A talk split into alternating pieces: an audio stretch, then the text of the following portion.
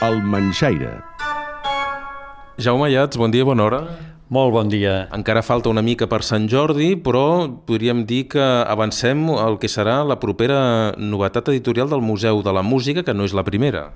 Uh, sí, al Museu de la Música uh, fem una col·lecció uh, de llibres que com a tema tenen algun instrument o també podrien ser un grup d'instruments del propi museu. Fa uns quants anys vam treure el del claviorg House Live i en aquests moments estem acabant d'enllestir el llibre que tractarà d'un fortepiano, d'un piano eh, Zumpe Buntebart. Zumpe era un constructor eh, de finals del segle XVIII eh, alemany que va anar a treballar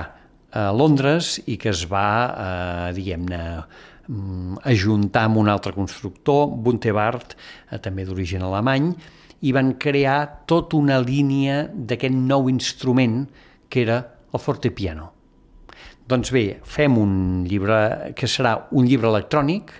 per tant el podem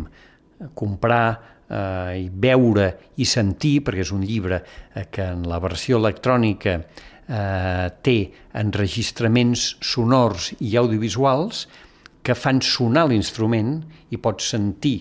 totes les maneres eh, amb què es pot utilitzar l'instrument. Igualment també hi ha unes quantes entrevistes fetes en directe amb les persones que han treballat a l'entorn de l'instrument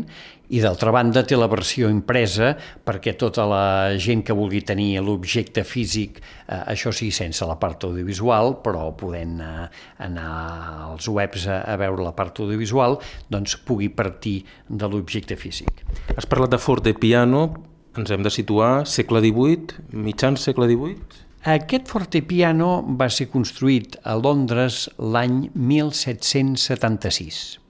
i seria, després de 8-10 anys de treballs, aquesta eh, línia de construcció de Zumpe arriba a un instrument ja molt pensat, molt eh, pràctic, molt útil pel que volia ser l'objectiu. L'objectiu és tenir un instrument molt més fàcil, còmode, transportable i eh, de menys atencions en l'afinació i en els canvis que el que era un clavicèmbal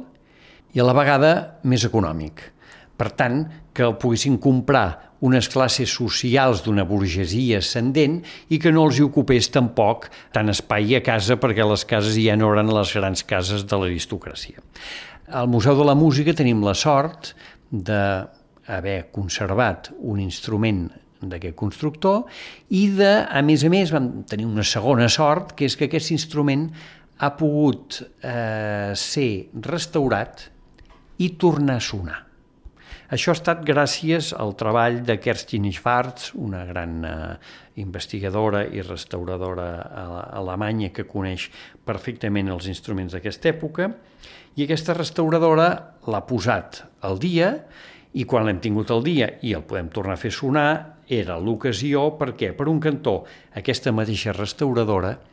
expliqués tot el procés de restauració, què es va trobar, quins rastres, com els va llegir, com els va aplicar, com va actuar sobre la peça, eh, quins problemes s'ha trobat i quins resultats han donat. Això és una, una aventura que rarament s'explica, només s'explica en informes interns, però rarament s'explica i ens semblava que està molt bé donar públicament aquesta informació juntament amb fotografies i juntament amb la part sonora i a més a més amb l'entrevista amb ella explicant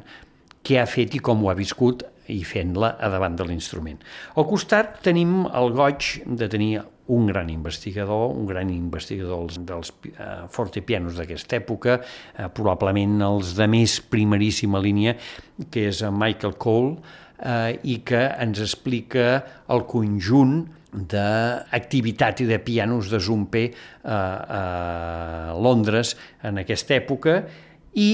també hem, hem tingut el goig de comptar com a coordinador i com a investigador que està eh, estudiant aspectes molt concrets del mecanisme i de les parts mecàniques d'aquests artefactes, diguem-ho així, eh, que és Pablo Gómez Ábalos i que ens ha ajudat a coordinar tota l'edició i, a més a més, al final ens hi ha posat unes taules amb, amb tots els instruments que hi ha d'aquesta època, amb la fotografia, amb la descripció, amb el per què. Alhora ho vam coordinar amb Luca Guglielmi, gran intèrpret, que va fer un concert al museu amb aquest instrument, per tant el vam poder filmar, per tant també el vam poder entrevistar explicant la seva sensació davant de l'instrument i hem inclòs elements de totes aquestes parts a dins del llibre. En conjunt estem molt contents perquè és la manera de donar vida, difusió i de poder sentir la música amb tots els seus detalls i en totes les seves consideracions tècniques al voltant d'un instrument. Entenem que és una labor que ens toca fer com a museu, que ens toca difondre, no és una labor per a grans públics, això ja ho sabem, però sí que és una labor per a no només investigadors, sinó per a totes aquelles persones que volen entrar una mica al nus i a la qualitat de les investigacions que fem des del museu. És molt interessant perquè poques vegades tenim l'ocasió d'endinsar-nos tant a dins de la història d'un instrument i saber del per què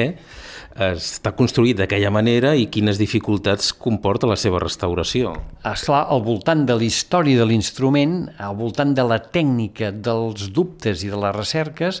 el que acabes descobrint és tota una època, tots uns eh, enginyers amb el sentit d'enginy més eh, potent eh, que volen fer el seu negoci i a la vegada volen desenvolupar una nova sonoritat, una nova manera musical que va de bracet amb una nova manera social i per tant per aquí eh, s'hi passegen doncs, eh,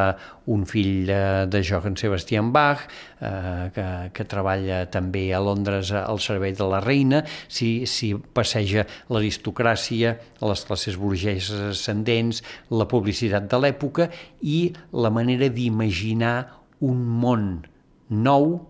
en la música i per tant també en la sociabilitat. Dèiem al començament que aquest llibre és a punt de sortir. Eh, quan surti, on es podrà trobar? Uh, bé, el podeu trobar com a llibre electrònic uh, a partir de la pàgina web de l'editorial Documenta Universitària, uh, una editorial catalana que es dedica als llibres electrònics, i, a més a més, a l'entrada al museu, la recepció del museu, trobareu la versió física que també eh, es pot eh, enllaçar amb els continguts electrònics. Doncs Jaume Llats, moltíssimes felicitats per aquest projecte i fins aviat. Uh, moltes gràcies i fins ben aviat.